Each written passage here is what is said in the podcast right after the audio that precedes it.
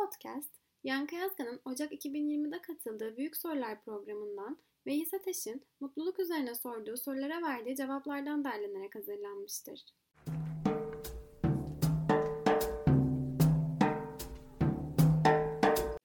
Mutluluğun bir formülü olduğunu söyleyebilir miyiz? Hekimler, psikiyatrlar ya da ruh sağlığı alanında çalışan diğer profesyoneller aslında birçok kişi bizim ilgimizi ve deneyimimizi kendi deneyimimizle sınırlı olarak görebiliyor. Yani işte bana gelmiş olanlardan duyduklarım, onlardan öğrendiklerim ama alanımızın spiritüel bir alandan çıkıp da bir bilim alanına dönüşmesi, son 150-200 yılın içerisinde olması sadece kişilerin deneyimlerinden ibaret olmayan, bütün bu alanda bilgi üretenlerin hepsinin ortaklaşa ürettiği bir bilgiden de yararlanarak e, biz işimizi yapıyoruz. Öyle bir formülü birçok kişi biliyor. Sadece bazen formülü bilmek onu uygulamaya yetmiyor. Yani bu yemek tarifleri gibi bir yemeğin nasıl yapıldığını herkes iyi kötü biliyor. Kitaplarda yazıyor, şeyleri var. Ama herkesin elinde aynı lezzet tutmuyor. Olur, tabii. Biraz malzemeler yani şansınıza düşen, nerede yaşadığınıza bağlı olarak. İşte domatesin hası Çanakkale'de diyelim ya da Fethiye'de. Başka bir yerdeyseniz domatese dayalı bir yemek yapmak kolay olmuyor. Yani biraz onun gibi. Hani formülü hepimiz biliyoruz bence. Yani mutluluk formülünü diyelim eğer öyle bir formül olarak tanımlayabilirsek. Ama bunu hakikaten uygulamak çok zor. Çünkü sadece bize bağlı değil bazı şeyler. Mutluluğun formülünü tanımlayacak olsanız nasıl tanımlarsınız? Şöyle doğru bak yani bakmayı, yaşama bakmayı ve yaşamın sadece mutluluktan ibaret olmadığını kabul etmeyi içeriyor. Yani mutlu olmak için her anımızın mutlulukla dolup taşması gerekmiyor. Ayrıca son derece anormal bir durum. Sizce neden doğum günleri, yılbaşları gibi özel günlerde birbirimize hep mutluluk dileriz? Yani e, onun daha zor olacağını düşünüyoruz. Bir de hani diğeri kötü bir şey dilemek yani mutsuzluk dilenecek bir şey değil. Şöyle bunlar dilemesek de geleceği için diğeri için belki dilersek daha iyi olur diye. Yani burada önemli olan şu. Mesela iyi hissetmek üzerine büyük bir kültür var. Kitaplar, televizyon programları, kurslar, seminerler hani ve diğer yani iyi hissetme için iyi yani devamlı iyi hissetmek pek mümkün olan bir şey değil. Birincisi bu ve e, iyi hissetmeye çalışmanın kendisi de yorucu. Sürekli mutlu olmaya çalışmak, mutlu olmaya gayret etmek, mutlu olmadığında yaşamın yani mutsuz hissettiğinde öyle değil. Mutsuz hissettiğinde yaşamın yolunda gitmediği duygusuna girmek bayağı birçok insanı hiç yoktan mutsuz ediyor. Yani çünkü bu mutlu olmalı, mutlu olmak gerekiyor algısı diyelim. Bizi zorluyor. Acaba doğru yerde miyiz, yanlış yerde miyiz sorusunu yanlış bir şekilde sormamızı getiriyor ve o nedenle devamlı odağımızı problem, pürüz, dert gibi konulardan uzaklaştırmamızı, uzaklaşmaya çalışıyoruz. Ama bu konular böyle uzaklaşarak ortadan kalkan şeyler değil. Sürekli olarak mutlu olmak mümkün değilse, stresli ve üzüntülü olduğumuz anlarla mutlu olduğumuz anları nasıl dengeleyebiliriz? Şöyle düşün, bir dalgalanma var. Yani kalbimiz bile bir atıyor, bir duruyor. Bir atıyor, bir duruyor. Yani kalbin durduğu bir an var. O durma tekrar atmak için gereken bir durma. Bir durma. O nedenle hani ruh durumumuzu ya da duygu durumumuzu inip çıkan yani pozitif ve negatif kavramlarıyla düşünürsek yani inip çıkan böyle dalgalanan bir duygu durumu olarak görebiliriz. Sürekli e, yukarıda ya da sürekli aşağıda olduğu durumlar veya çok aşağıda veya çok yukarıda olduğu durumları aşırılıklar olarak görebiliriz ve günlük yaşamda çok da bağdaşmadığını biliyoruz. Mutluluğu bir toplam kalite gibi düşünün. Yani devamlı mutlu olmamak da mutlu olmanın, kalbinizin iyi çalışıyor olması arada durmasına bağlı, onu demek istiyorum. Ya da gözümüzü her an açık tutmuyoruz, gözümüzü arada kırpıyoruz. E, Göz kırpmadan gözümüzü devamlı açık tutmak ne kadar anormalse, devamlı mutlu olmak da o kadar anormal bir şey. Çünkü yaşamın zorluklar, yaşamın bir parçası. Mesela biraz önce stresten bahsettiniz. Stresten uzak dur deyince Şimdi burada tabii gündelik yaşamda bizim kavramları kullanışımız mutluluk, stres e, gibi kavramlarla bilim çalışmalarında kullanılanlar tam aynı olmayabiliyor. Örneğin stres dediğinizde mesela günde işte herkese 10 bin adım yürümeyi de tavsiye ediyor. Stresten uzak dur diyen meslektaşımız, kardiyolog meslektaş mesela. E, 10 bin adım yürümek bayağı ciddi bir stres. 10 bin adım yürümeye çalışmak da ciddi bir stres. Ama bu stresin bir faydası olduğunu biliyoruz. E, O nedenle stres kategorik olarak, tanım olarak otomatik olarak negatif bir şey değil. Birincisi bu. Hafif bir optimal diyelim buna. Hani e, belli ölçüde sistemin çalışması için kaslarımızı hafif yüklemek gibi. Ama stresin örneğin toksik diye bilinen tipi, yani zehirleyici olabilen tipi, örneğin şiddetle gelen stres, baskı, yoksulluk, eşitsizlik, yani toplumsal olaylar mesela bizde çok ciddi bir stres yaratıyor. Kendi yaşamımız yolunda bana soruyorsunuz mesela diyorsunuz ki mutlu musunuz? Ben mutluyum yani işlerim tam şikayetim yok, sağlığımda henüz bir problem yok vesaire. Ama e, ne bileyim hoşuma gitmeyen şeylere tanık olabiliyorum. Beni tedirgin eden dünyada, ülkede, çevrede korkunç olaylar olabiliyor. İnsanların insanlara mesela kötülük yapması, zarar vermesi en bize strese sokan. Bütün bunları bu toksik stres grubunda görebilirsiniz. Çocukluk anıları her zaman daha mutlu hatırlanır. Mutluluğun geçmişle bir bağlantısı var mıdır? Geçmiş daha olduğundan daha iyi hatırlanan bir dönem. Kitaplardan birinde de örnek olarak verdiğim Orhan Pamuk'un Masumiyet Müzesi'nin ilk cümlesinde olduğu gibi hayatımın en mutlu anıymış bilmiyordum diye başlar. Hmm. Bil yani mutlu olduğumuzu sonradan idrak ettiğimizi e, dönüp baktığımızda anladığımız bir şey. Ya, Papa filminde söylüyor şimdiki Papa. Papa yol geriye dönüp baktığınızda size düz gözükür diyor. Çünkü yolun başındayken daha virajlı ve çapraşık ve sarp bir yol olduğunu görürüz. Gidip gittikten sonra bize o yolu aşmış olduğumuz için kolay gözüken bir yol oluyor. Şimdi nerede durduğunuz ve nereye baktığınız, hangi yöne baktığınıza bağlı olarak duygularımız, geçmiş yorumlayışımız farklılaşıyor. Çünkü bu belleğimizin çalışma tarzıyla ilgili. Örneğin birçok insan için geçmiş tabii ki çoğunluk için söylüyoruz. Bilim çoğunluk için geçerli kuralları ve bilgileri çıkartıyor. Bir kısım insan için geçmiş unutmaya çalıştığı sayısız kötü ve yıkıcı anıyla dolu. Ama insanların çok büyük bölümü çok zor zamanları bile bunun içerisine cezaevi, hastane, işte savaş gibi korkunç ortamlar, e, hayatının insanın riske girdiği ortamları bile olup bittikten sonra o kadar korkunç olarak hatırlamıyor. Böyle bir ayıklama mekanizması var. İnsan beyninin gelişimi de aslında bir ayıklama üzerine. Bir üretim var. İşte yaşam anları. Ondan sonra üretiyorsunuz. Şeyleri ayıklıyorsunuz yaşananları ve bellekte bazıları daha fazla kodlanıyor. Örneğin yine 18-20 yaş önceki dönemi, öncesindeki dönemi bu otobiyografik bellek konusunda Türkiye'de de çok güzel çalışmalar yapan kişiler var. Gençlik ve yıllarımız, çocukluk gençlik yıllarımızla ilgili anıların hatırlanması, başlangıç anıları çok küçük yaşlar hariç çok daha fazla yer kaplıyor. Bir sebeple ona daha çok yer var. Mesela 25-35 arasını 16-25'e göre farklı hatırlıyor birçok kişi. Dönüp baktığınızda ya nasıl oldu, nasıl biz 40'ı bulduk diyen çok insana rastlıyorsunuz. Ama lise 1, lise 2, lise 3, şimdi lise 4'ü böyle sömestr sömestr hatırlayabiliyor. İlk dönem coğrafyaya Nurhan Hoca gelmişti, ikinci dönemde Sami Hanım geldi falan gibi. Hani manasız sayılabilecek detaylara Aynen. hakim olan arkadaşlarımız. Sınıftakilerin numaralarını, numara listesini çok iyi bilip karısının telefon, şu andaki telefon numarasını bilmemek Aynen. gibi. Bu hani bir kasıt ya da niyet aranacak bir durum değil. Sistem böyle çalışıyor. Katmanlar olarak baktığınızda beynin gelişimi açısından baktığınızda beyin bir depo diye düşünürseniz belki ilk dönemde o depoyu birazcık fazla cömertçe kullanıyor olabiliriz. Mesela tatil haftasına gidiyorsunuz bir hafta. ilk 2-3 gün daha yavaş geçiyor. Tatilin ortasından sonraki ikinci yarısı ya nasıl bitti bu tatil hani dediğimiz. Çünkü o ilk günler alışma var, yenilik var ve yeni şeylerin bıraktığı iz daha yüksek, daha çok yer kaplıyor. Ondan sonra bir alışkanlık başladıktan sonra bir tür hayata alışıyoruz diye düşünebilirsiniz.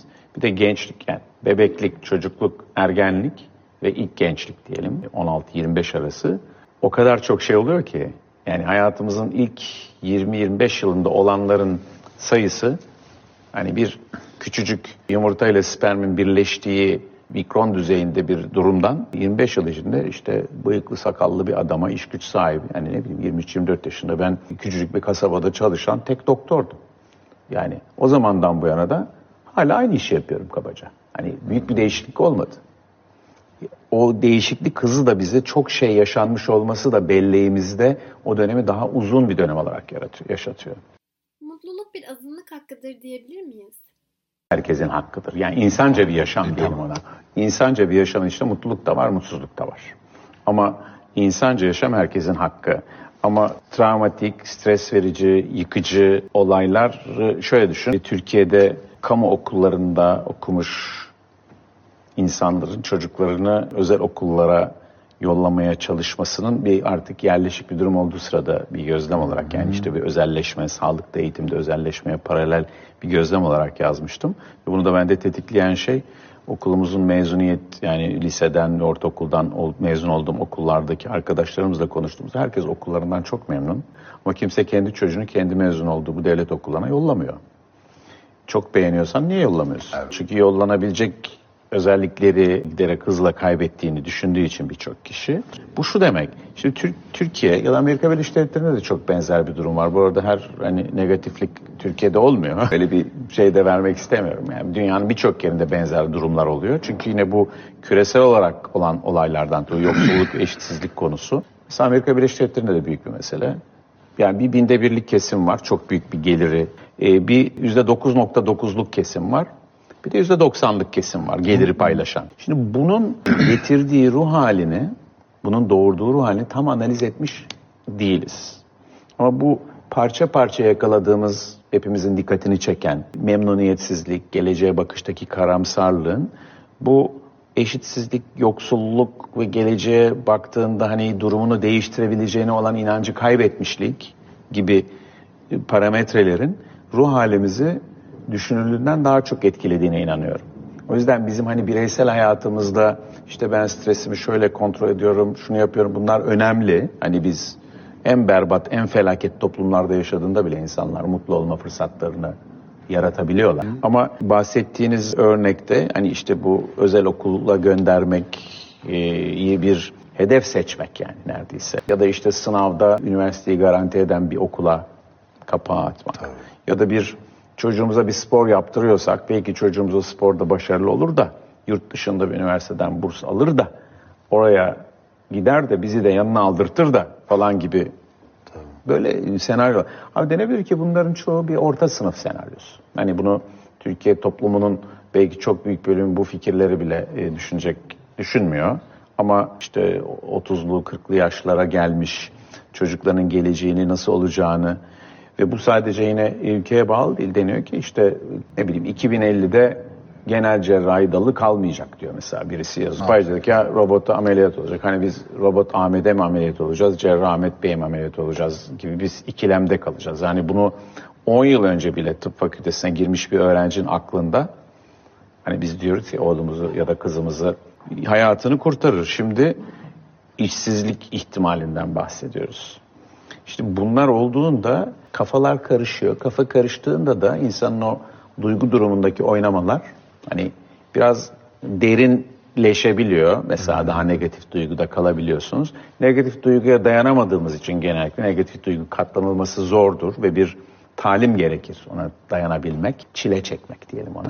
Ama klişelerle düşünüyoruz. Yani orada şöyle bir şey düşünmeye gidiliyor. Yani burada klişelerle düşünmeden kastım işte bir marka okula gitmek mesela. Bu markacılık bu 1990'larda çıkmış e, Can Kozanoğlu'nun Cilalı İmaj Devri diye bir kitabı vardır. Bugünlerin aslında biraz Geleceğin. habercisidir. Hani kendimizi allama pullama üzerine çocuğu nasıl aldarız pullarız işte kendi yazmadığı başvuru mektupları, aslında kendisinin üretmediği bir takım eserler vesaire sanki ona aitmiş gibi gösterme. Hmm. Olduğundan daha çok ve daha kalabalık gösterme. Bu çok yaygın bir şey oldu. Bu not enflasyonu kavramı da öyle ne bileyim herkes takdirname alıyor falan diye şikayet ediliyor ya. Ha birisi diyor ki ben bundan böyle şikayet eder gibi konu ne zararı var dedi bana. Ee, böyle bir şeydi. O zaman biz emeğimizin karşılığının ne olduğu hakkında bir fikrimiz olmuyor. Yani bu bir yarışmacılıktan bahsetmiyorum. Ne kadar uğraştığını bir insan anlayabilmesi gerek ki emek vermenin değerini, değer kavramını öğrenebilsin. Değer kavramını bilmediğiniz zaman birçok şey gözden çıkartılabilir oluyor.